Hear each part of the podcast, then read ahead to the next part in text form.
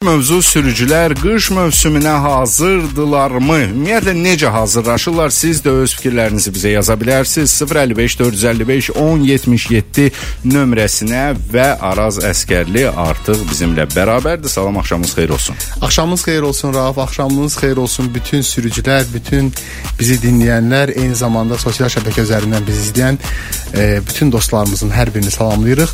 Bugünkü e, günün mövzusunu biz inandırım ki, sizi əbəs yerə keçməmişik. Çünki həqiqətən də artıq hava şəraiti e, qışın gəlişini hiss elətdirir. Və qışın Nədən? qışın gəlişi ilə əlaqədar olaraq da ə, bütün hazırlıqlarla yanaşı təbii ki, yollarda bax bu qədər olan avtomobillərin də texniki sazlığına diqqət yetirilməli məqamlar var. Bu yol hərəkəti təhlükəsizliyi baxımından çox ciddi, vacib məsələlərdirlər. Çünki birbaşa e, danışacağımız mövzular bəzən sizə e, müəyyən mənalarda, müəyyən məqamlarda fərqli düşüncələr formalaşdıra bilər. Amma bir şey unutmamalıyıq ki, gündəlik e, hər bir insanın həm də əsas borcu öz e, həyat və sağlamlığını və ətrafdakı insanların həyat və sağlamlığını qorumaqdır. Ona görə də Raf çox e, aktual bir mövzudur. Həqiqətən də hazırlıq işləri e, bütün proseslərdə insanı e, qarşıya gələcək vəziyyətlərdən sığortalayır. Bu baxımdan da e, yollarda mən məsəl üçün bura gələrkən bir neçə istiqamətdə istər Ziya Bünyadov prospektində olsun, istər Salamzadə körpüsünün üzərində olsun, hansı ki mən sizə öz marşrutumu deyim, hardan ki hara gəlmişəm.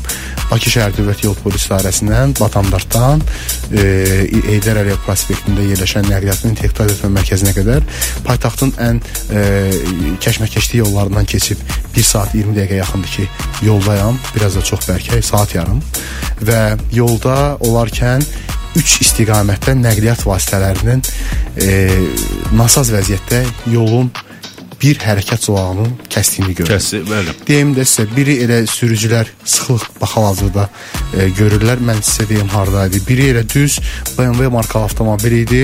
Salamzadə. Salamzadə körpüsündən, Salamzadə e, dən Küçəsi. küçəsindən Salam e, o yeraltı keçiddə keçən istiqamətdə hansı ki qovşaq var 20 yanvardan gələnlər, Salamzadədən gələnlər bax düz e, Salamzadədən gələn istiqamətdə yolun sağında bir ağ rəngdə BMW idi, nasaz vəziyyətdə qalmışdı. Daha sonra Ziya Bünyadov prospektində iki yerdə mən nasaz nəqliyyat vasitəsini həm gəldiyim istiqamətdə gördüm, həm də 20 yanvar istiqamətində yolun kənarında nasaz nəqliyyat vasitələri gördüm. Açığı mən bir şey deyim sizə, e, gündəlik hərəkətlərə əslində raf stres gətirən də budur kimlərinsə məsuliyyətsizliyidir.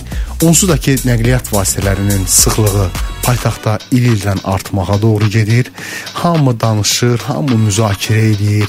Amma Amma məsələ öz amma, amma mən tapmadı. sizə bir şey deyim ki, elə elə müzakirələrin istiqamətində aparılan işlərlə yanaşı şəhər də istər-istəməz elə öz tempində yüklənir və problemlər ə, həqiqi mənada ə, artmağa doğrudur, azalmağa doğru deyil.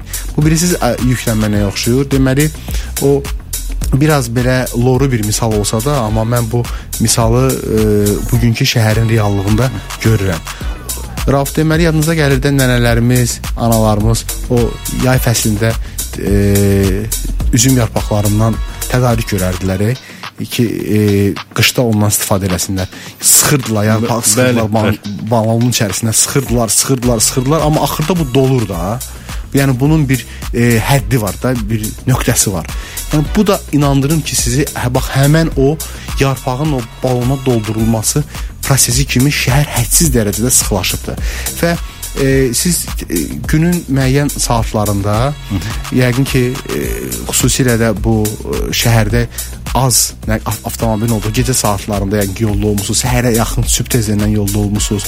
E, bayram günlərində, istirahət vaxtlarında bir məsafədən bir səni qət edirsən, deyirsən, "A, bura nə yaxın məsafə imiş əslində." Bəli. Mən indi misal üçün bu günləri bura Yollar gələndə boş olanda yollar boş olanda da, mən, mən, yəni bu günləri bu yolda avtomobilin içərisində o keçirtdiyin o vaxt ə, Raf adama elə gəlir ki, misal üçün də bu adamlardan bura gəlmişəm, elə bilirəm ki, Şamaxıya getmişəm. Elə də elə 2 saata yaxın yolda. 2 saata yaxın yoldasan. Və bu da bu da yüklənmədir, e, bu da bir əlavə e, gərginlikdir, stressdir. Şəhər mühitinin yaratdığı e, bax insanlar deyir aqressivləşib, yollarda bir gərginlik var.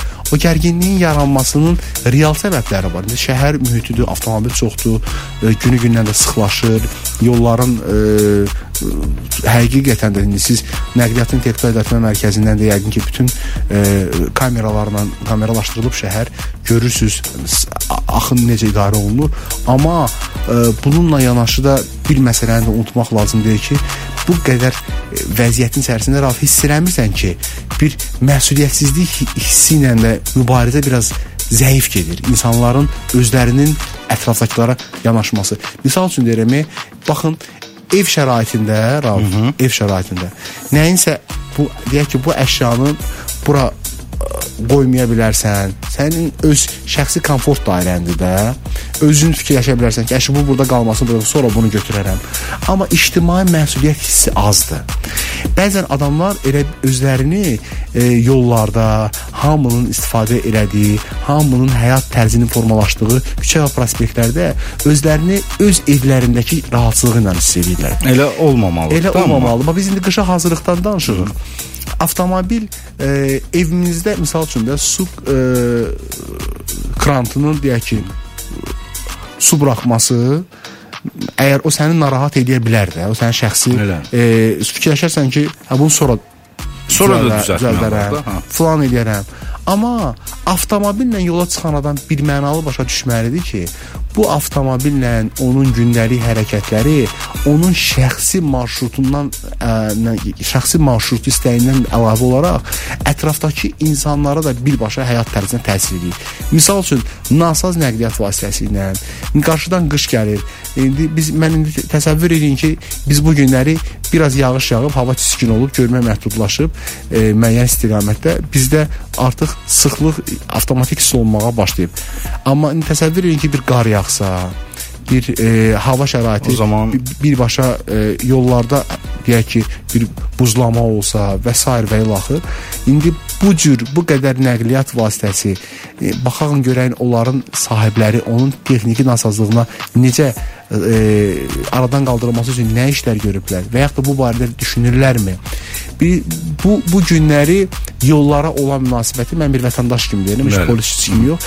Yollara olan münasibəti, e, yol hərəkəti qaydalarına olan münasibəti baxanda görürəm ki, ciddi şəkildə bir məsuliyyətsiz yanaşmaq ə, sərgilənir. Elə bir hər bir kəs hesab eləyir ki, əşi bunu sonra da həll eləmək olar. Eyb yox da bu gün bir təl 1 saat 40 dəqiqəyə çatdım. Sabahları e, bunu həll eləyərəm. Maşınım yolda qaldı, bir zolağı zəbt elədi. Mənə görə bir neçə nəfər narahat oldu. Eybi yox, e, evə çatdı, bu proses yaddan çıxdı. Yalandan maşını əl gəzdirdi. Səhər bir də həmənki vəziyyətə çıxdı. Yəni eyni məsuliyyətsiz. O məsuliyyətsizlikdən irəli başlayır. Belə çıxır. Bəli, bir qrup Bizim bu qədər danışdıqlarımız var. İndi bizi yollarda dinləyən insanlar var. Müzakirələrimizi sosial şəbəkələrdən izləyən insanlar var. Onların böyük bir qismi qayda qanunlara əməl edən insanlardılar. Onların böyük bir qismi e, bizim dediklərimizi biz danışdıqca onlar da dəstəkləyirlər, öz e, ürəklərində fikirləşirlər ki, hələ bu mənim ürəyimdəki sözü dedi. Amma hansılar ki bizə qulaq asmalıdır. Hansılar ki, bizim danışdıqlarımızdan, dediklərimizdən e, bir balaca həyat tərzini dəyişməlidir. Bizim danışdıqlarımız, məsələləri müzakirə etdiyimiz mövzuların hər biri ətrafdakı insanların yaratdığı narazılıqlardan, narahatçılıqlardan və məsuliyyətsizliklərdən irəli gələn problemləri əslində müzakirə edirik. İndi baxın, avtomobildən danışırıqsa fikir verirsiniz, əsas müzakirə mövzuları olacaq suallar deyən ki, buna uyğun gələcək ki, hə, bax e, şin təkərin protektorun qalınlığı nə qədər olur, nə qədər o necə yoxlanılır, cəriməsi necə olur falan. Elə bir hamı bir məqamda, bir fürsətdə e, özünün məsuliyyətini yaranıb yaranmaması e, dilemmasının arasında qalıb. Hı -hı. Amma bu yanaşma tərzi deyil. Bu bizi dəyişdirmir. Bu bizim problemlərimizi həll etmir. Bizim problemlərimizi danışmaqla da ə, həll edə bilmərik tək. Biz danışdıqlarımızı əməl etdiyimiz təqdirdə problemlərimizi həll etmiş olacağıq. Yəni bu günləri ə, imkanları, fürsətləri qiymətləndirib real çatışmamazlıqları öz həyatımızdan misal üçün mən bu gün avtomobilimi e, açarı saldım, Bəli. mühərriki işə saldım. Görürəm ki, avtomobilimdən gələn səs nasazlıq səsidir. Hı. Mühərrik səsi deyil. Bu avtomobillə yola çıxmamalıyam. Mən e, bu avtomobillə profilaktoriyaya getməliyəm mütləq qaydada.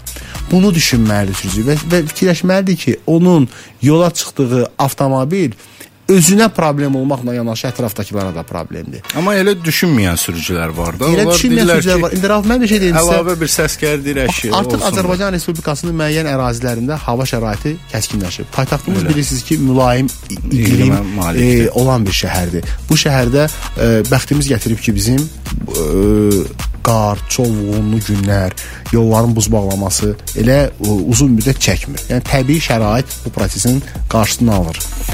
A amma belə günlərimizin olduğu vaxtlarda olubdu. Respublikanın rayon və şəhərlərində. Burada isə vəziyyət fərqlidir. İndi təsəvvür edin ki, gündəlik avtomobil idarə edən insanlar var və avtomobillərin sazlığına diqqət yetirmirlər. Misal üçün bu Azərbaycanda Priusun niyə adı belə pisə çıxdı? Bədnam çıxdı. Bədnam çıxdı. İndi cəmaət bəzən də bu mizah mövzu e, mövzusu eləyir Priusu. Kimsə iki nəfərlə dalaşır deyir günah Priusdadır. Hə. Yəni o o dərəcədə bu belə bir də mizah, gülüş obyektinə çevrilmiş bir mövzuya çevrilib. Niyə görə? Çünki bu nəqliyyat vasitəsi e, az yanacaq sərf edirdi. Bu nəqliyyat vasitəsi ucuz idi və e, taksidə də əlverişlidir. Bunu bir neçə nəfər aldılar, özləri də aldılar. Başqa e, özü üçün e, mikro sahibkarlıq kimi nə bilim e, bir neçəsini alıb, bir neçəsini alıb gündəlik arendaya verdilər. Onlar da necə gəldi, istifadə olundu. Küçəyə çıxırsan, e, e, belə üz istəyirəm sizə, e, həmin o Toyota şirkətinin Prius modeli ilə tam onun o brend anti reklam oldu. Bizim evet. hamımız hamımız yəni indi biz e, dünya avtomobil e, konsernlərinin içərisində hər bir avtomobilin öz yeri var və bu günləri də çox keyfiyyətli avtomobillər istehsal edir bizim e, tanıdığımız şirkətlər və e, hər birinin də üstün cəhətləri var, bir böyük bir rəqabətdir. Amma bu markanı tam anti reklam elədilər Azərbaycanda. Bilirsiniz, yəni o nədən irəli gəlir? Məsələlərin mahiyyəti qaldı kənarda. Əslində bax bu gün danışdığımız məsələ mahiyyəti üzrə buna yaxın bir mövzudur. Ancaq işin sonda görsənən hissələrindən e, cəmiyyət müzakirə. Mən sizə inandırım ki, media ilə işlədiyimə görə mediadan mənə çoxlu gün ərzində suallar gəlir. Hətta bu günləri bir, e, bir tanınmış bir veriliş üçün bax bu mövzu ilə bağlı müsahibə aldılar məndən çalışdım hər fikrimdə izah eləməyə ki, bəs elində bu bu yazıq maşından əl çəkin.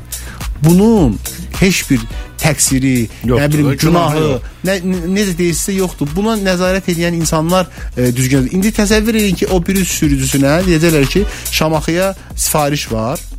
Raf, bir yağışlı qarlı gündə. O da şəhərdə e, başına oyun açdığı avtomobilin sürəcək Şamaxıya, Qubaya, qarlı havada. Deyəcək ki, əşi, əsas odur ki, müştəridir, pul verir, sifariş var, gedin. Amma indi baxaq o həmin avtomobillər qışa necə hazırdılar? Ümumiyyətlə Nəinki qışa Araz müəllim, onlar heç yaya da hazır deyillər. Bəli. Ümumiyyətlə yolda ümumi istifadə üçün də heç hazır deyillər bir çoxları. İndi siz qeyd edirsiniz amma Priusların onda belə çıxır ki, mənim belə bir sualım yaranır da. Buyurun, günah buyurun. onda Priusda deyil də, Priusun sürücüsündədir də günah. Əlbəttə ki, ümumiyyətlə bilirsiniz necədir? E, baxın bu günləri bu mikrofon bizim qarşımızda e, avadanlıq kimi istifadə olunur da. Sizin bu pultun arxasında oturmusunuz. Prodüserlərimiz müəyyən texnikadan istifadə edir. İndi mən bunun belə başına oynatıramsa, bu bu mikrofondan istifadə edəmirəmsə və yaxud da ki siz pultun düymələrini e, belə də kobud formada o tərəfə, bu tərəfə onu e, istismarını düzgün şəkildə təmin eləmirsinizsə, onun nə problemi var, nə dərdi var. Mən bilirsiniz bəzən müəyyən e, indi bu e, radio məkanında çoxlu bir-birlərinə bənzər və bənzər verilişlər var da. Görürsüz, şahid olursunuz. Hansı e, verilişlər biraz daha çox dinləniləndir. Tez onun e, alternativlərini insanlar edir. Bu başa düşürəm normaldır. Amma ən çox nədən danışırlar e, günün o, əsas vaxtlarında? Avtomobillərin texniki vəziyyətindən, filandan. Azərbaycanda misal üçün müzakirə olunan mövzular var da. E, BMW markası və yaxud da ki, e, filan marka ə, necədir? O pis maşındır, yaxşı maşındır. Belə suallar verirlər də efirlərdə. E, elə suallar gedir. İnandırım ki, sizə əslində bunların heç biri pis avadanlıqlar deyirlər. He, heç bir bizim e, hələ e, keçmişdə belə istehsal olunan avtomobillər var idi. Yadınıza gəlir adam vardı bir həyətdə 07-dən istifadə edirdi uzun illər ona elə baxırdı ki, elə elə elə onun texniki sazlığına diqqət hətta deyirdilər ki, misal üçün də Rauf deyirdi ki, həyətimizdə Hüseyn əmi var. Onun avtomobilindən e, bir çıxıltı səsi də gəlmir. Niyə görə? Çünki o məsuliyyətli adam idi. O avtomobilindən bir problem onda Raufun özü misal üçün bax ə, əziz din onu da deyim ə, sizin bizim auditoriyada bizi dinləyənlərə avtomobilində görürsən də özündə bir dənə bir Gör. xırda bir nöqsan olanda sən məsəl üçün mən görürəm ki, narahat olsan ki, tez işdən çıxım, ha. axşam da olsa aparmam professorə çatdır. Həll eləyim. Yəni məsuliyyət hissidir də öz öz əşyaba qarşı. Həm də sürücünün özündə olmalıdır həmin məsuliyyət hissi, amma mən qeyd etmək istəyirəm ki, ümumiyyətlə avtomobilindən heç ümumiyyətlə çıqqıltı səsi gəlməyən bir e, brend də var. O da Haval avtomobilidir. Ələ xüsusda Haval H6 hibrid avtomobili. Çox özə yollarda müasir, da özə müasir avtomobildir. Yolda da sakit gedir. Açıq mən onu gördüm. Bir üzr istəyirəm mən e, qısa deyim sizə. Mən Bəli. mən onun texniki özəllikləri ilə də tanış oldum. E, servislərinə getdim. Doğrudan da baxdım. Həqiqətən də, həqiqətən də o qədər müasir təhlükəsizliyi təmin olunması ilə bağlı e, komplektasiya qrup təşkil bu mühəndislərin uğurudur əslində. O da nədən irəli gəlir? Uzun illər ərzində bütün sınaqdan keçmiş ən yaxşı bəli, təcrübələri bəli, istifadə bəli. ediblər. Yəni baxın, indi onu alıb idarə edən adam ki var, əlbəttə ki o qazanacaq. Özü üçün bir başı qulağı dinc yaxşı bir avtomobil aldı, istifadə elədi. Amma həmin avtomobilə də vaxtı vaxtında aparıb e, lazım olan məsələlərinə düzgün e, baxmasa, bu hesab edirəm ki, istənilən avtomobil konserninə e, o istifadə edən kontingent onu gözdən salacaq. Ə, orası ə, orası da var ə, və növbəti qışa bir hazırlıq görən dinləyicimiz yazır ki, Prioraya sport prujin, yəni yay qoymağa icazə var. Görünür hə. qışa hazırlaşır. Bilirsiniz, çox təəssüf, çox çox təəssüflər olsun ki, həmişə suallar bu istiqamətdə gəlir. Ə, əsasən belə suallar olur həmin dinləyicimizin diqqətinə çatdırmaq istəyirəm ki, istehsalçı tərəfindən müəyyən olunmuş ə, avadanlıqdırsa, ə, sizin təmin edəcəyiniz avadanlıq bu sizin üçün problem yaratmayacaq. Yox, istehsalçı tərəfindən müəyyən olunmamış kustar bir metodlarla ə, müdaxilələr olunmuş lakin adı sport adı olimpiya çempionu və s. belə istifadə adlar qoyulmuş avadanlıqdırsa, sizin üçün bu ə, e, nasazlıq kimi qiymətləndirilə bilər və yaxud da əlavə avadanlıq kimi qiymətləndirilə bilər. Bu baxımdan ə, e, avtomobili ehtiyat sərhəd seçərkən diqqətli olun. E, Araz müəllim, bir sual TikTokdan var, deyir, e, Ziya Bünyadov prospektində fövqəladə hal yoxdursa, qoşa xətti kəsib ötmək, e, ötmək etmək olarmı və yaxud aeroport yolunda və bu kimi digər yollarda. Bildim, o söhbət o hansı qoşa xəttlərdən gedir? Yerdəki qoşa. Yerdəki mən bir eyni istiqamətdə. İstiqamətdə. Biz, yollar. biz bunu dəfələrlə demişik, bir də demək özümüzə borc bilirik ki, bu e, qoşa xəttin tələbi elə olduğu kimi deyirəm də bəzən müəyyən efirlərdə hamı danışır 1 1 1 3 1 18 və xəttləri deyirlər. İndi hamı ola bilər onun kodlaşdırılmasını bilməsin. O qoşa xəttin əsas tələbi gəlişli və gedişli, yəni hər iki istiqamətdə hərəkət olan yerlərdə mahiyyət üzrə düzgündür. Yəni bir istiqamətli yolda qoşa xəttin çəkilməsi e, onun e, yol hərəkəti haqqında qanunvericidə yolların üfüqi nişanlanması prinsiplərinə e, e, uyğun deyil. İndi onu çəkiblər, nə, məqsədlə necə onu e, fikirləşiblər, nə ediblər, amma o siz o bir istiqamətli yolda qoşa xətti bir xətt kimi görün. Xahiş bir xətt kimi görün. Bir xətt kimi təsəvvür edin. Tapdalamaq olar da belə çıxır. E, e, bilirsiniz, əgər orada da yerlər var da görürsüz. E, orada da qırıq-qırıq xəttlər var. Xəttlər var. Hı -hı. Yəni o həmin o bir o, iki xətti heç bir xətt kimi görmə demədim ki mən. Gördünüz nə dedim? O qoşa iki xətti bir xətt kimi görün. Onun da müəyyən yerlərində manevr etmək üçün e, yerlər təyin ediblər, qoyublar. Amma qoşa xətti hardan gəldi, necə gəldi? Ən azından o xətt orada yaraşıq üçün deyil də. Yəqin ki, onun bir mahiyyəti zolağı ayırmaqdır zolağı ayırmaq üçün nəzərdə tutulubsa, o zolaqdan zolağa keçmək üçün də e, müxtəlif yerlər qırıq-qırıq xəttlə göstərilibdir. Yəni o qoşa xəttin başını oynaçıb onu nə qoşa xətt kimi, nə, nə tək xətt, qoşa xətt kimi istifadə oluna bilməz o e, bir tərəfli yolda, amma tək bir xətt kimi də e, 1.1 xətti kimi də onu qiymətləndirməyib, onu heçə sayıb necə gəldi, onu sağdan, soldan e, hərəkət istiqamətlərini dəyişib yolda yol hərəkəti iştirakçısını çevirməyin özü də düzgün deyil. 2001 nömrəsi yazır ki, axşamınız xeyir avtomobillərin yollarda texniki vəziyyətinin saz olması və başqa avtomobillərə qəza yaratmaması üçün ildə 2 dəfə avtomobillər texniki baxışdan düzgün keçsə, yəni hamı eyni, ildə 1 dəfə keçir. Əlbəttə vəziyyət belə olacaq. Yəni texniki baxışdan gileylənir ki, dinləyicimiz ki, ildə bir dəfə keçmək kifayət eləmir. Avtomobili tam olaraq yoxlamaq. Avtomobil idarə edən şəxsə yol hərəkəti haqqında qanun e, məsuliyyət qoyub üzərinə. Onun ildə e, birincisi texniki baxışdan keçirmək üçün ildə, ildə bir dəfə olmayan məqamlardır. Birisi ki, yeni avtomobildə 5 ilə qədər, 10 ilə qədər avtomobil Bəli, keçsə, 2 ildən bir, 10 ildən sonra hər ildə bir dəfə keçilir. E, bu texniki baxış zamanında müəyyən e, ünsürlərə fikir verilir. Əsas avtomobilin lazımi yəni ələd sisteminə, sükan sisteminə, e, mühərrikin işləməsinə və s. və vaxt. Amma avtomobil e, gündəlik istismar olunursa və o gündəlik e, hərəkət baxırda məsəl üçün taksi idarə edən və yaxud da ki e, gündə bir dəfə işə gedib qayıdan adamın avtomobilinə baxmağı eyni formada diqqət tələb eləmir də və yaxud da ki avtomobillə adam var ki, onun işi avtomobilləndə o səhərdən axşama qədər yollardadır. Hı -hı. Məsəl üçün də bu bu şəhərin bu nöqtəsindən işi ilə əlaqədar o nöqtəsinə gedir. Oradan çıxır bura gedir. Gün ərzində işi yollarda gedir. Və hər bir avtomobildə bax müxtəlif formada diqqət tələb edir texniki baxımdan. Onu idarə edən şəxsin özündən də çox şey asılıdır.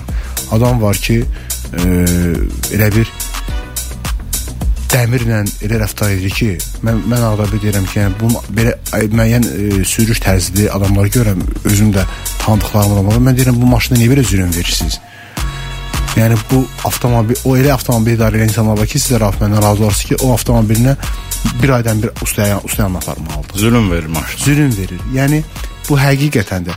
Yəni avtomobilə ona görə də yol hərəkəti haqqında qanunvericilik bu şeylərin hamısını nəzərə alıb sürücünün üzərinə məsuliyyət qoyub ki, sən avtomobil idarə edirsən, onu saz idarə etməlisən. Yəni texniki e, baxışdan İldə bir dəfə olsun, iki dəfə olsun, üç dəfə, beş dəfə, yox. Keçirməyin buna heç bir e, fərqi yoxdur. Avtomobili e, avtomobil sahibi, avtomobil sürücüsü özü öz avtomobilinin sözün əsl mənasında sahibi olmalıdır. Necə ki insan da elədir. Bəli, xəstələndin. Ən, ən yaxşı halda elə. dünyanın ən e, belə deyək də qəbul olunmuş e, yox yoxlanış qaydaları ki 6 aydan bir 6 aydan bir, bir ümumi check-up olmalıdır. Indi, indi mən sizə bir şey deyim də, e, 6 ay ərzində insan bu gün check-up oldun, hər şey qaydasındadır. 2 gündən sonra, iki gündən sonra sənə gələ bilər. Soyuq da dəyə bilər, yəni travma da ala bilərsən. Yəni öz sağlamlığın birbaşa özünün nəzarətində olmalıdır da. Belə çox məsələni detallara gedib Bunlar hamısı araz mənim gəlir hərlənir fırlanır məsuliyyətin üzərindədir. Əlbəttə ümumiyyətlə insan öz şəxsi məsuliyyəti. bütün məsələlər gəlir Bəli, işinə də məsuliyyət, avtomobilinə məsuliyyət, evinə, işinə məsuliyyət, e, Baxın, sağlamlığına məsuliyyət. Bir misal çəkmək istəyirəm. İcazə verirsinizsə. Vaxtımız varsa. Var. Baxın bu günləri cəmiyyətin trendinə çevirdi. Baxırsan imkanı olan, olmayan, e, hamı bəsə-bəsə müxtəlif mobil telefonları alırlar, istifadə edirlər. Elədir. Elədir, elə deyil. Elədir. Özə özə bu imkan göstəricisi deyil ha, mən sizə bir şey Artıq deyil, bəli. Artıq deyil. Artıq elə bir e, bu həmin o şirkətlərin siyasətidir də. Necə, necəsə bir sistem qruplarsa hamı onları almaq məcburiyyətində qalıbmı deyim. Tam belə e, o həmin o şirkətlərin alətlərinə çevirib də insanlar. Hamı da gündəlik telefondadır. Mən açığı ona görə bu günləri müxtəlif dövlət orqanları, həmçinin elə Daxili İşlər Nazirliyi də media kommunikasiya planları hazırlananda artıq sosial şəbəkələrə e, diqqət bir mənalı şəkildə fərqli formada yetirilməlidir. Çünki hamı həyat tərzini telefon üzərində qurur. Elədir. Bu gün bir adamın əlindən telefonu al, elə bil ki onun havasını suyun əlindən almısan. Baxın, alırlar bir telefonu e, və üz, üz, üzünə bir e, örtük, nə bilim ekran e, qoruyucu. ekran qoruyucusu, dən başqa cür örtük. Görürsüz bunların özlərində necə böyük bir biznes formalaşıb. Telef telefon satışından əldə olunan O özü çox bir, bəli. özü bir biz aksesuarlar, özü bir biznes sevib. Elə elə ayrı elə bir deyil. Yəni baxın da görürsüz cəmaət onu necə qoruyur. Düzdür. Yaxşı. Yaxşı müqayisədir. Yəni bu onun üçün prioritetdir də. O telefon onun üçün e, prioritet. Onu qoruyur, silir. Nə bilim e, e, üzərindəki Ekranı yəni, qoruyur, arxalıq alır, e, kameralarını qorumaq üçün xüsusi o yapışqanlardan istifadə edir. Hər şey eləyir deməli, ki, telefonlar deməli bu onun üçün prioritetdir. Bəli. Prioritetdir. Bu günlər adamlar da var ki, misal üçün də avtomobilinə qarşı münasibətdə elədir. Avtomobilini diqqətlə təmizliyinə fikir verir. Bəli, onun texniki baxımından nəyəsə fikir verir. Mən hətta adam tanıyıram ki, bir dəfə e, mənə dedi ki, görüş var idi. Dedim gəlin ora dövlətin e, nümayəndəsidir. Bir görüşə e, o gəlib çıxmadı. Uzun illər bundan öncənin söhbətini deyirəm sizə. Həmin adam da e, adını çəkmək istəmirəm. O da məsul bir vəzifədə işləyir.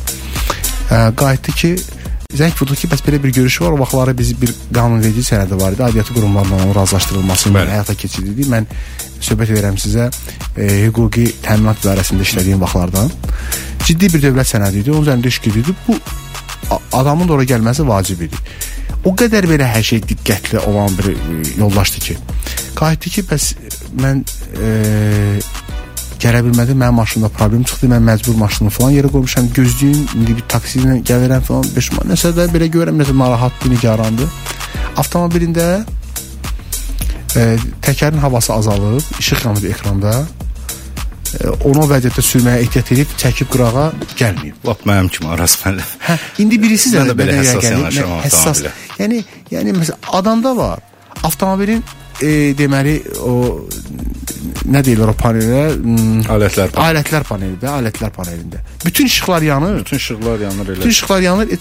Vecinə də deyir ki, Var var. E, O onların sayı amma həddindən artıq çox. Hə, bu işıq niyə yanır? Bu nə problem? Bir dəfə, bir dəfə, bir nəfər deyirəm ki, mən tanıdığım adamlara deyirəm ki, yağın işığı yanır. e. Yəni mühərrikin Hə, mü- ə, bu problem olması 2 vur 2-dir. Orada hə. belə adamlar var, e, Bütün işıqlar yanır. E, Əsasən də bu taksilərdə və biz bunu hər dəfə adını çəkirik priuslarda müşahidə edirik ki, bütün işıqlar yanır və o işıqların təmiri də işıqların problemin kökünə gedib. Onu təmir etdirmək elə də e, bahalı və böyük qlobal bir problem deyildi. Onun e, bir çoxlarını qısa müddət ərzində az bir məbləğə həll etmək olar, amma bəzi sürücülər ona məsuliyyətsiz yanaşılır. Mən yol, yol hərəkəti haqqında qanunumuzda nasazlıqların siyasi müəyyənləşdirilib. Əlavəkidən biz e, e, belə bir sadə bir sual verəcəm əslində. Həm də günün mövzusuna uyğun e, sualdır. Bu baxımdan ki, qeyd olunan qayda pozuntusunu etməyiniz biz ki dedik ki, mövsümə hazırsınız, hazır deyilsiniz.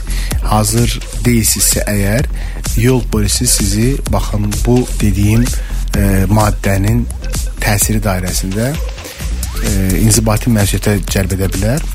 Söhbət hansı maddədən gedir? Mən maddəni oxuyacağam sizin üçün. Hı -hı. Maddənin adını və daha doğrusu maddənin nömrəsini və cərimə məbləğini yazıb göndərməklə bizə bu müsabiqənin qalibi ola biləcəksiniz.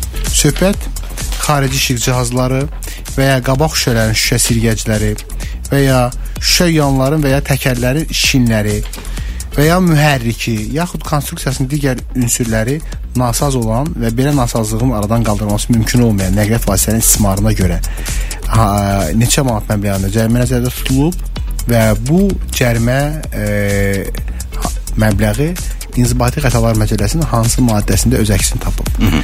Qısa və konkretləşdirim sualımı bir daha. E, Şüşə sirgəcləri qoy elə bir formada deyək ki, e, vətəndaşlarımıza rahat olsun. Şüşə sirgəcləri var bax burada nasazlıqlarda. Şüşə, şüşə sirgəcləri, şüşə yuanlar, təkərlərin və şinlərin və ya mühərrikin e, yaxud konstruksiyanın digər ünsürlərin nasaz olan belə nasazlıqları aradan qaldırılması mümkün olmayan nəqliyyat vasitələrinin istismarına görə. Qarşıdan qış mövsümü gəlir. E, elə yeri gəlmişkən onu da deyim ki, təkərlərə diqqət yetirmək son dərəcə vacibdir. E, nəzərə alın xüsusilə bilin ki, e, sürüşkən yollarda e, e, Ravo, Kapron Bəli. e, təkərlər olduqca təhlükəlidir. bundan ümumiyyətlə əgər belə təkərlərdən istifadə eləmisinizsə, yay mövsümündə düz eləmisiniz. Həmişə e, mənim də avtomobilimə xidmət göstərən ustalar elə indiyə qədər eşitdiyimiz informasiyalardan həmişə e, belə məsləhət görüblər ki, əgər iqtisadi baxımdan da xeyirli formada siz təkərləri dəyişmək istəyirsinizsə, iki komplektasiya da bunu eləyin. Yay mövsümünə uyğun təkərlər və qış mövsümünə uyğun təkərlər. Onda daha uzun ömürlü olur istifadəsi. İndi təbii ki, e, müxtəlif 4 mövsüm deyilən e, təkərlər, təkərlər də var. Bu məsələlər üzrə avto ekspert Rauftu o daha yaxşı bilir bu, bu məsələlərin dərinliklərini. Amma mən hesab edirəm ki, ən yaxşısı Rauf e, iki komplektasiyada imkan çərçivəsində almaqdır. Çünki doğrudan da ə, uzun müddət istifadə etmək olur. Və hansılar ki yay mövsümünə uyğun təkərlərdirlər, yay yaz mövsümünə uyğun təkərlərdirlər. Bu soyuq, sürüşkən, qarlı, buzlu yollarda e, nəzərə alsaq ki, üzümüz qış fəslinin hələ başlanğıcıdır. Bu məsələlərə diqqət yetirin çünki e, e, belə vəziyyətdə tormozlanma yolu sizin e, əleyhinizədir. Yəni sürüşmə vəziyyəti çox olur. Bu qarlı havalarda bəzən görürsüz o avtomobil müəyyən qalır yolun ortasında. Yaxınlaşın həmin avtomobilə baxıb görəcəksiniz ki, e, təkərləri ümumiyyətlə qış mövsümünə uyğun təkərlər deyillər. Yəni avtomobilin baxın bu məsələsinə, elə də eləcə də keyfiyyətli detallarına diqqət yetirin. Çox sadə misallardan biridir.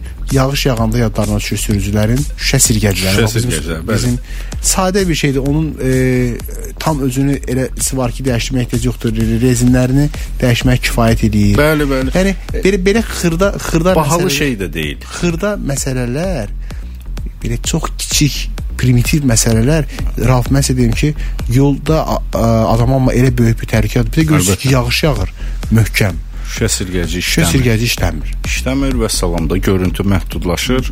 Amma halbuki bəlkə də sonrası. 5-6 manatlıq dəyərində olan bir şeydir. Ə, sizi amma bir ömürlük qəza ilə və onun fəsadları ilə üzbəüz qoya bilər. Yəni yenə də sözümüzü gətiririk məsuliyyətçisinə. Qış fəslidir. Görürsüz gündəlik ə, havaların yağışlı günlərin sayı daha çoxdur. Bəli. Belə şeylərə diqqət yetirin.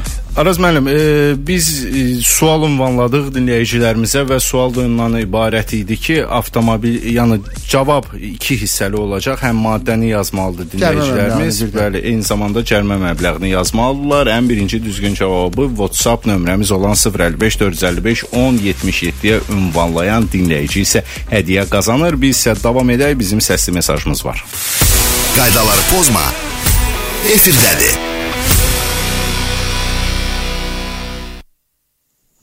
Axşamınız xeyir olsun. E, sərdən qulaq asıram sizə. Maşınların e, texniki vəziyyətinin sazlığı, nasazlığı barəsində danışırsınız. Mən bir qeyd edim ki, maşın nə qədər texniki cəhətdən saz olsa da, yollar da qaydasında olmalıdır. Mən misal üçün çəkə bilərəm, e, Saray qəsəbəsindən Üzün Novxanaya gedəndə Saray qəsəbəsinin, e, yəni ki, içində e, belə qeyd edim də işıq e, stolbaları var, amma işıqlar yoxdur. Yəni maşın nə qədər saz vəziyyətdə olursa olsun, texniki vəziyyəti işıq olmadıktan sonra bir nömrəli təhlükədir qəza üçün. Yol şəraiti ilə bağlı vətəndaşımızın mövqeyi tamamilə düzgündür. Ümumiyyətlə təhlükəsizlik 3 elementin üzərində qurulub. Avtomobil, insan və yol şəraiti. E, bu 3 amil birlikdə etibarlı şəkildə təmin olunanda təhlükəsizlikdən söhbət gedə bilər. Sürücü çox yaxşı sürücüdür. Avtomobil də sazdır. Yolun vəziyyəti təhlükəlidir. Deməli, e, təhlükəsizlik üç bucağı artıq öz işini görə bilməz. Burada sürücü gərək ki, ehtiyatlı rəftar eləsin və təhlükəni əvvəlcədən məlumatlı olsun. Amma yol infrastrukturunda da baş vermiş hər hansısa bir çatışmamazlıq, nasazlıq aradan qaldırılana qədər də təhlükəsizlik tədbirləri yerinə yetirilməlidir. Günün qaranlıq saatlarında işıqlandırma məsələləri və dinləyicimiz düzgün vurğulayır. bir mənalı şəkildə təhlükəsizlik standartlarına cavab verməlidir ki, biz ümumilikdə e, vətəndaşımızın rahat, təhlükəsiz hərəkətləri haqqında danışanda fikirlərimizi rahat, etibarlı şəkildə bildirə bilək. Təbii ki, mən misal üçün bu günləri e, bir də bir yerdə gördüm, aidiyyəti quruma dərhal özüm məlumat verdim. E, sağ olsunlar. Səhər dedim, axşama qədər həmin o məsələ aradan qaldırıldı. Bir çala əmələ gəlmişdi. Salamzadə körpüsünün üzərində. Deyən kimi sağ olsunlar. Və buradan Anar müəllimə də minnətdarlığımı bildirirəm. Dərhal reaksiya verdilər.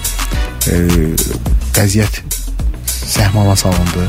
Başqa yerlərdə Məsələ öz həllini tapdı. Məsələ bəli, bəli. Məsələ öz yerini tapdı.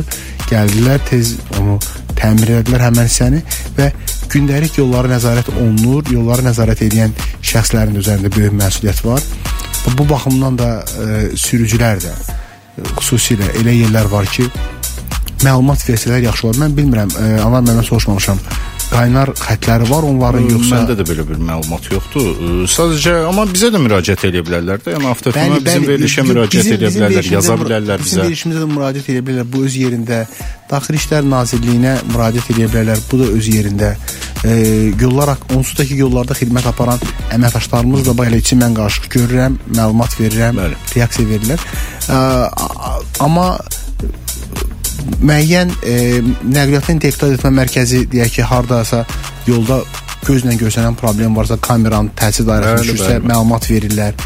Məlumat bu is- istiqamətdə maksimum çox verilməlidir. Araz müəllim, bizim reklam fasiləmiz olacaq, amma mən istəyirəm bir suala çox qısaca olaraq cavab üstə. verəsiz. Buyurun. E, deməli dinləyicimiz TikTokdan yazır ki, salam, axşam vaxtı işıqları yandırmadan sürməyin cəriməsi var.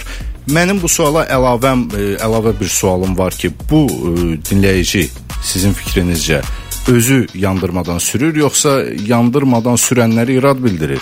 Mən onu başa düşmədim. Avtomobil e, günün qaranlıq saatında mütləq qədər işıqları yandırılıb idarə olunmalıdır. Yandırılıb idarə olunmursa, bu məqsədli şəkildə belə idarə olunursa, bunun bəli e, cəriməsi var. İşıq cihazlarından düzgün istifadə, İstifadə etməməyə görə 50 manat məbləğində cərimə oluna bilərsiniz.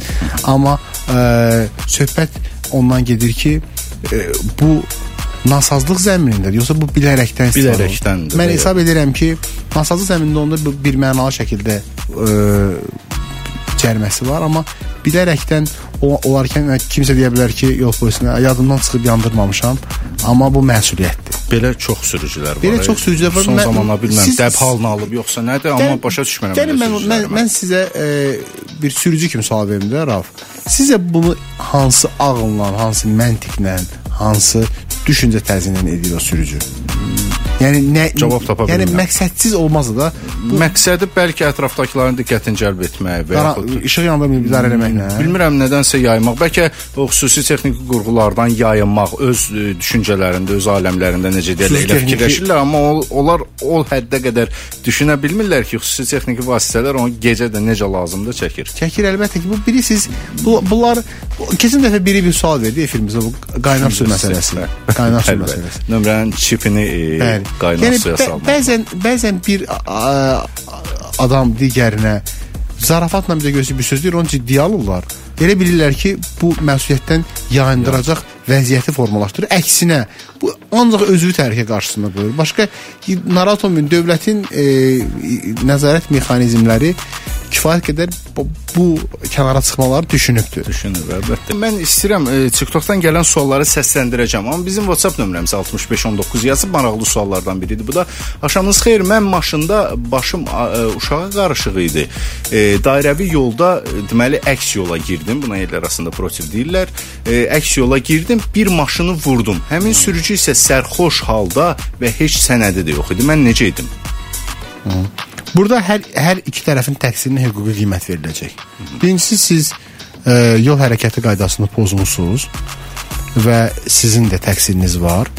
Və hüquq prinsipləri əziz dinləyicilər hər bir e, şəxsə düzgün şamil olunmalıdır. Ədalət bunun üzərində qurulur. Elə yol nəqliyyat hadisələri vardır ki, orada 50-50-yə qərar qəbul olunur da bilirsiniz. Bəli, bəli.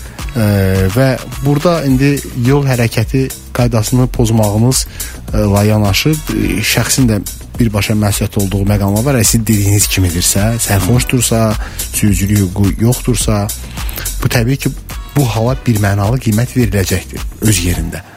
Amma sizin də elədiyiniz yol hərəkəti qaydasına birbaşa pozuntudur və e, hər ikisinə də düzgün qiymət vermək lazımdır. Yəni başın Yəni- yəni- uşağa qa- qarışmağı yəni- bu bəhanədir. Bu əlbəttə ki, özü də etiraf Bəhanə edir ki, kimi qiymətləndirilir. Bəhə, əlbəttə ki, bəhanədir. Yəni e, elə bəhanə kimi qiymətləndirilir. Yox, hər şeyi öz adı ilə demək düzgünlükdür, səmimiyyətdir, cəmiyyətin inkişafı üçün lazım olandır.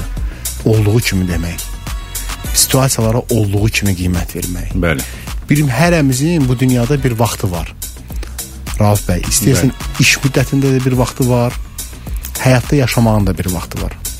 Səmimi və düzgün şəkildə insanlara izah eləmək hər bir insan özünə bunu borc bilməlidir.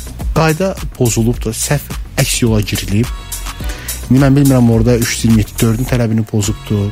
E, nəqliyyatın axınının üzərinə hərəkət edib. Yoxsa giriş qadağandır 327 e, 2-nin tələbini pozub. İndi bu bu bu, e, hissələri konkret hansı formada indi ifadə olaraq bildirdi. Real görüntüyə baxıb qiymət vermək lazımdır. İndi özü bilir təbii ki, hansı qaydanı pozub. Biz öz fikirləri ilə sadəcə olaraq bildirdi. Mən e, siz də mən də tam dəqiq bilmədik ki, o nəqliyyatın axınına hərəkət edib etməyib bu, işin ali tərəfi. Onsuz da ki ona əməkdaşlarımız qiymət verəcəklər. Bu yollarda baş verən hadisələr e, dərin mürəkkəb proseslər deyil. Qayda pozulursa bir mənalı onun hüquqi qiymətinin verilməsi üçün şərt çox sadədir, aydındır. Amma bu situasiyada olsun, başqa indi siz başınız qaçıb səhv yola girmisiniz, qarşınızdakı ya ki içkili olub, onun diqqəti avtomatik olaraq aşağıdır, avtomatik olaraq o məsuliyyət daşıyır, sürücülük hüququ yoxdursa, bu da bir əlavə məsuliyyətdir. Amma e, səbəb və nəticə əlaqəsi var da, Bəli. bilirsiniz nə demək istəyirəm? Səbəb, mən misal üçün bu gün bura gələndə e, 3 dəfə 3 dəfə yol hərəkəti qaydası pozub qəza qəza vəziyyətinin şəraitini yaradan adamla rastlaşdım. Fikrim ayıq idi, yoldaydı, diqqətli idim. Qəza baş vermədi. Çox şükür. Amma bax bu sərxoşluqdur. Eee sürücülük hüququ olmayıb sürücülük təcrübəsi olmayan insanın yolda olmasıdır. Bunlar inzibati xətalar məcəlləsində hərəsi bir qayda pozuntusudur, Bəli, ciddi qayda pozuntularla. Lakin, lakin e, səbəb yaradan halda vətəndaşımız özü etiraf edir də. Ona görə də hüquqi qiymət verəndə hər kəsin təqsirinə düzgün qiymət vermək lazımdır. Araz müəllim, bax belə bir sual var. Az öncə TikTokdan gəldi. Deyir, maşınımla qəza törətsəm, qəza yerində sıxlıq yaranırsa, sığortanı gözləmədən maşını Ehtiyac kənara verə bilərəm. gözləməyə.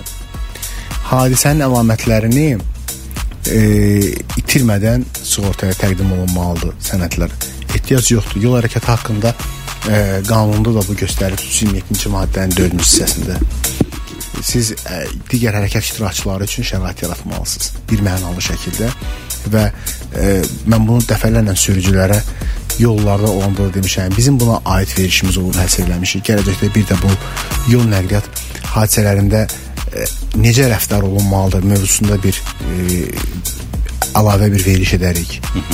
Lazımdır buna. Çünki bu e, bəzən bir də görürsüz ki biz biz o mövzuları danışmışıq deyə Rauf, o bizə doğma gəlir. Bəli. Amma bizim e, efirimizi dinləyən fərqli insanlar var. Və o qaydalar hə- mütəmadi şəkildə təbliğ olunmalı. Mən mən onu bir də görürsüz ki, bir mövzuda eyni gündə 20 nəfər müəyyən eyni şeyləri məndən soruşurlar. Mən ona cavab verirəm. Amma o 20 nəfər fərqlidir axı. Bəli. Bax bu bu məqamlara diqqət yetirmək lazımdır. Çünki bizim e, hamı elə e, saat 6-dan 8-ə qədər bizim efirimizi dinləməmə imkanları da ola bilər axı. Adam var ki, saat 7-də avtomobilə əyləşir. 8-ə qədər yolda olur, bizi bu vaxtda dinləyir. Bir də görürsüz ki, efimizdə sual gəlir. Biz hətta olub demiş ki, 3 dəqiqə bundan qabaq cavablanmış. Amma bizim Yeni borcumuz qoşulub bizə, biz o bizim, sualı bizim borcumuz cavablamışıq. o, o, o sualların cavablarını dönə-dönə də verməkdir. Əslində işin çətinliyi də bundan ibarətdir də. Hər bir məsələni dönə-dönə demək, izah eləmək bunun üçün e, səbir də lazımdır, hövsələ də lazımdır, Təmkin də lazımdır. Təmkin də lazımdır. Araz müəllim, bax belə bir sual var. Deyir, giriş qadağandır tələbini yaşadığım ərazi olduğu halda pozmaq xətadır. Əlbəttə ki, xətadır. Giriş qadağandır.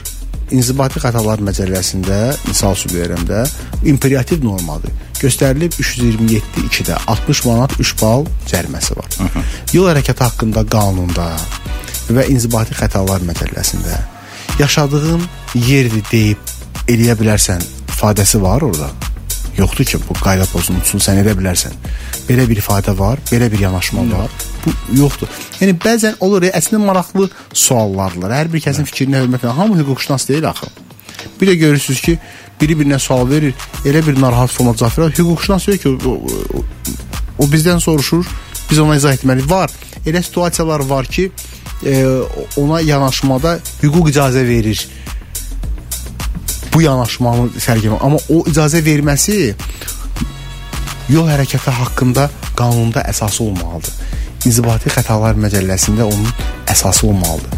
Misal üçün çox sual verirlər. Bayaqları reklam fasiləsində sual verirdilər ki, ə, ərlə ə, ər arvad arasında ə, nikah müqaviləsinin əsasında nəqliyyat vasitəsini idarə etmək məsuliyyəti məsul. Mən müxtəlif efirlərdə qulaq asırsınız da. Elə. E, biri deyir ki, olar, biri deyir olmaz. Başa düşürük, mülki məcəllənin də biz e, tələbini bilirik. Ailə məcəlləsinin də. Amma hüquqi izahını verəndə aydın olur ki, burada tərəflərin bir-birlərinə razılığı lazımdır. Və əmlakın sahibi axa e, iki nəfər göstərilməyibdi. Bir nəfər. Bir nəfər göstərilib.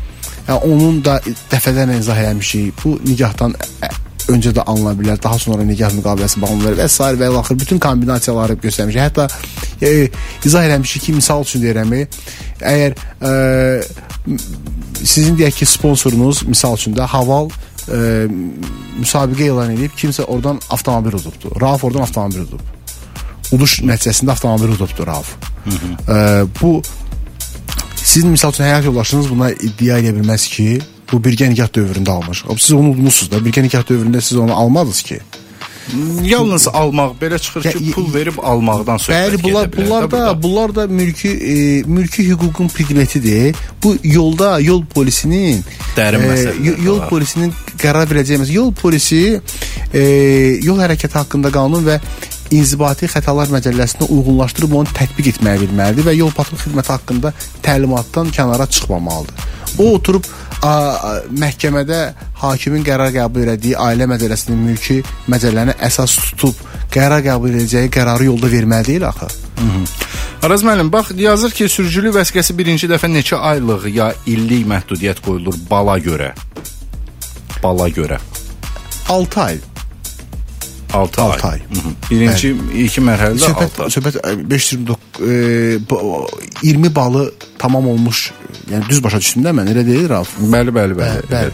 Ə, 6 6 ay, minimum 6 ay. Minimum 6 ay. Bəli. E, 94 84 yazır ki, məndə maşın Niva-dır. Niva markalı maşına Wrangler fara vurmaq istəyirəm, bilmək istəyirəm, olar olmaz. Olmaz. Cavabı belə. Bu texniki e, nasazlıq yaradan vəziyyətdir. Wrangler üçün istehsal olunub da bu Niva üçün yox. Biri sizin sual verəcəksiniz ki, mən vətəndaşımızı başa düşürəm. İndi o sual verəcək ki, niyə olmaz? Bax niyəsini izah eləyən isə. Hər bir işıq avadanlıqları müxtəlif e, gərginlik üzərində işləməyi tələb edir. Bu az görmüsüz nəqliyyat vasitələri alışıb yanıb. Baxın bax belə yüklənmələrə görə siz gərək onu istifadə edəndə bütün nəqliyyat vasitəsinizin özünün işıq e, cihazlarına uyğun elektrik sistemini də adaptə edəsiniz. İndi onu da hamı adaptə edirmi, eləyə bilirmi və yaxud da kimə lazımdır bunu eləmək? Bu əlavə avadanlıqdır. İstehsalçı tərəfindən müəyyən olunur. Lazım bilsəydi, o Niva markalı e, zavod, istehsalçı Wranglerin o lampalarını e, ona adaptə etmək üçün onlarla bir müqavilə bağlayardı və deyərdi ki, belə bunu verin biz bu formada təfsildə buraxaq da. Mis misal üçün deyirəm, bax, mən bilirəm ki, siz texnologiyanı sevirsiniz, texnologiyaya maraqlanırsınız. Reklam eləmək üçün demirəm, məşhur ə, ə, telefon şirkətləri də deyək ki, ə, onun linzasını bir şirkətdən alır, Elədir, elədir. Bütün ehtiyat hissələri oradan, buradan, oradan buradan deyəndə ki, müxtəlif şirkətlərdən də bu işi görənlərdən alırlar, sonra onu birlikdə təhsis edirlər. Nəticədə e, tam bir avadanlıq sənədi satılır da. E, e, bu da lazım bilsəydilər bunu. E, Wranglerdən alardılar. Wranglerdən alardılar, qoyardılar bunun üstünə. Yəni yolda yol polisi əməkdaşı ilə mübarizə aparıb, "Ə nə olsun, bu yaxşıdır, bir ya, gözəl görsənir, filan cürədir. Mən bunu beləyəndə nə olur?" Bu sualları hüquq mühafizə orqanı işçisinə vermək düzgün deyil. O qanun çərçivəsində özünə e, hüquqların hansı imkanları yaradıbsa o çərçivədən kənara çıxmamalıdır və və onu da tələb etməlidir. Araz müəllim, bax maraqlı bir sual da deyir, təhlükəsizlik kəməri olmadıqda, yəni texniki cəhətdən yoxdur da avtomobildə. Taxmamışam yoxa, yoxdur avtomobildə. Bu zaman 342 yazılır, yoxsa 342 5? Mən, mən bir şey deyim də sizə. Təhlükəsizlik kəməri istehsalçı tərəfindən müəyyən olunub taxmamısınız. Yoxdur, avtomobildə yoxdur yerində. İndi mən bilmirəm də onu yazmayıb. İstehsalçı Hə, hə, hə. tərəfindən müəyyən olunub mu? Ye, Baxın, hansısa bir gəlin- gəlin- situasiyaya gəl- görə yoxdur, yoxsa ümumiyyətlə Gəlin iki situasiya, gəlin iki, iki situasiyanın ikisini də izah edək. Səhv etmirəmsə 60-cı illərə qədər olan avtomobillərdən ə, başqa o artıq onlar indi klassik avtomobillər siyahısındadır ki, o təhlükəsizlik kəməri olmayan avtomobillər. Demək olar ki, bu gün istifadədə olan bütün nəqliyyat vasitələrində təhlükəsizlik kəməri var. Təhlükəsizlik kəməri yoxdursa, bu e, konstruksiyanın elementidir. E, bu artıq 50 manat məbləğində cərimə nəzərdə tutulan haldır və e, bu, bu öz yerində. Bu təhlükəsizlik kəməri var. Siz onu taxmamısınızsa, e, təbii ki, 342-dir. Bəli. Bu bu, bu, bu da elə e, yəni oxşar cərimələrdirlər, amma indi bir də başqa situasiyanı demək istəyirəm sizə. Söhbət nədən gedir? E, bir də görürsüz ki, yol hərəkəti qaydası 3 pozisiyada pozulub. Hı -hı. Misal üçün deyirəm də, e, kə- kəmər də taxmamısınız. Telefondan istifadə eləmisiniz Bəli.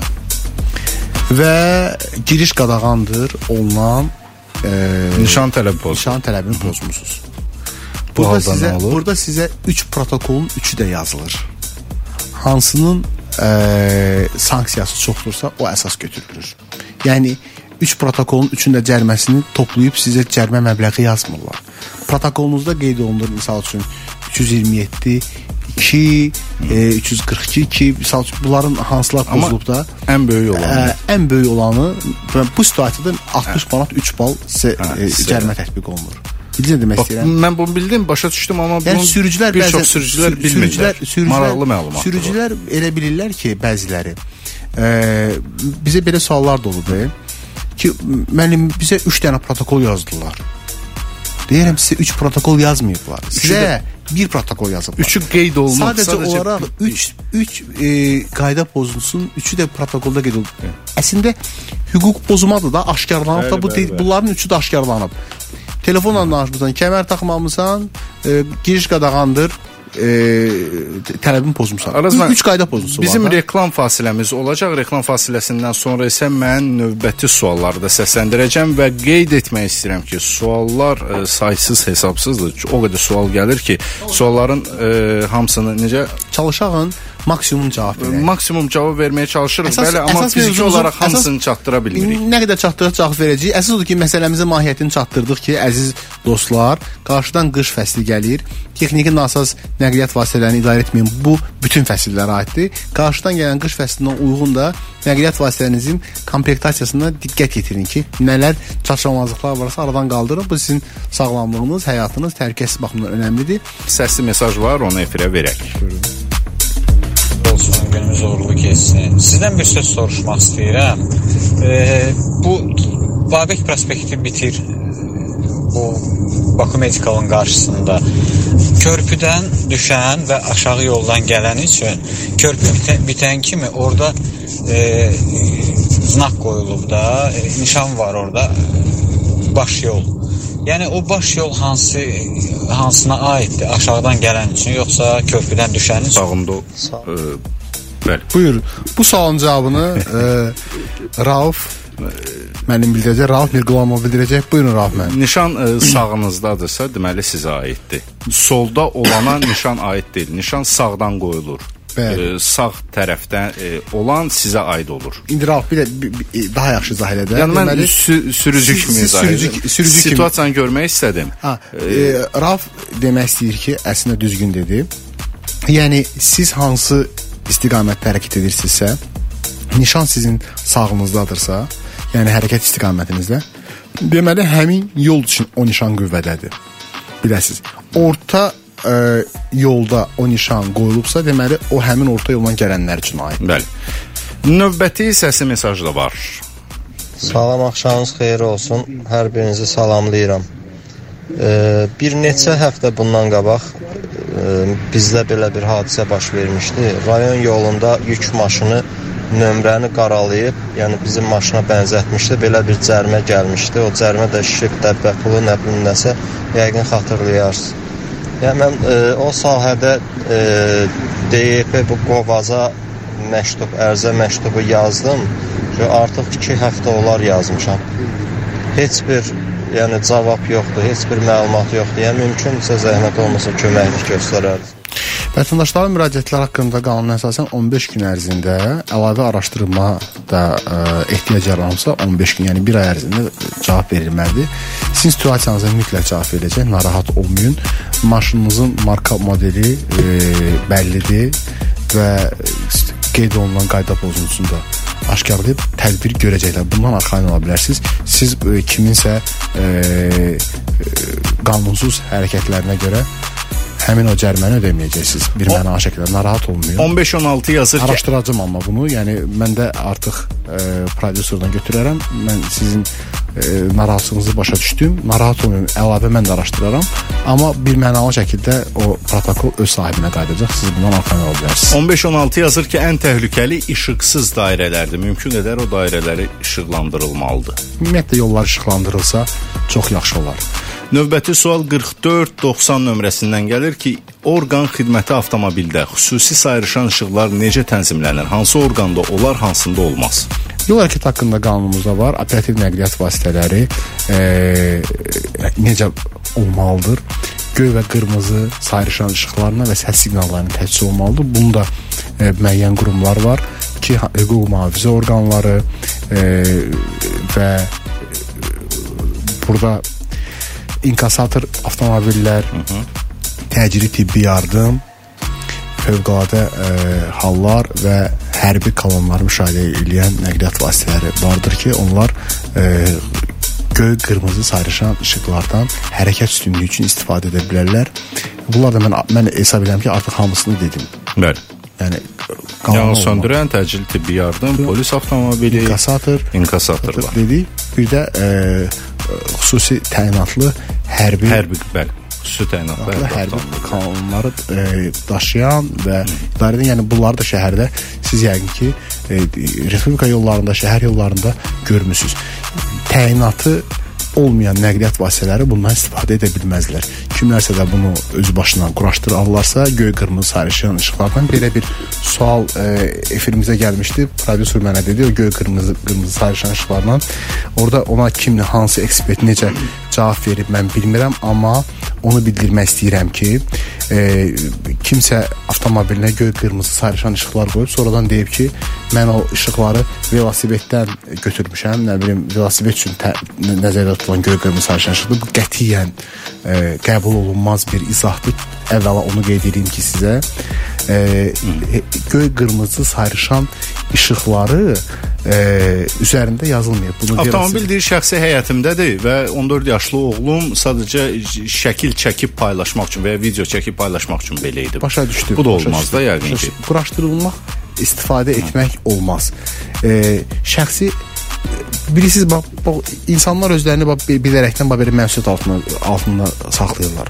Yəni e, hə, şəkil çəkib paylaşmaq yəni göy qırmızı sarışın işıqlarla nə deməkdir ki? Əgər bunu eləmisiniz lap yaxşı. Məndə var da, öz aləminizdə sizi e, saxlayıb yolda e, bu vəziyyətdə avtomobilinizi aşkarlayıblarsa, Elə saxlayıblar da. saxlayıblar və bu vəziyyətdə də avtomobilinizi aşkarlayıblarsa, siz artıq bir mənalı şey Yox, yolda gedəndə olmayıb üstündə. Aydın Sadəcə nömrə düşür, deyiblər ki, səndə var. Aydın. saxlayıblar və həmin o göy qırmızı, qırmızı sayrışan işıqlar qoşul olmaqdan asılı olmayaraq onun üzərində olubsa, bu artıq məsuliyyətli istifadəsi e, və quraşdırılması qadağandır çünki. E, təşəkkür edirəm Araz bəy gəldiyiniz üçün verilişimiz yekunlaşır. E, Çox sağ olun. E, çalışdıq İki gün sonra. TikTok üzərindən də, e, sosial şəbəkələrin digər segmentlərindən də sualları cavablandıraq. Mövzunun da ətrafında da ətraflı müzakirə apardıq.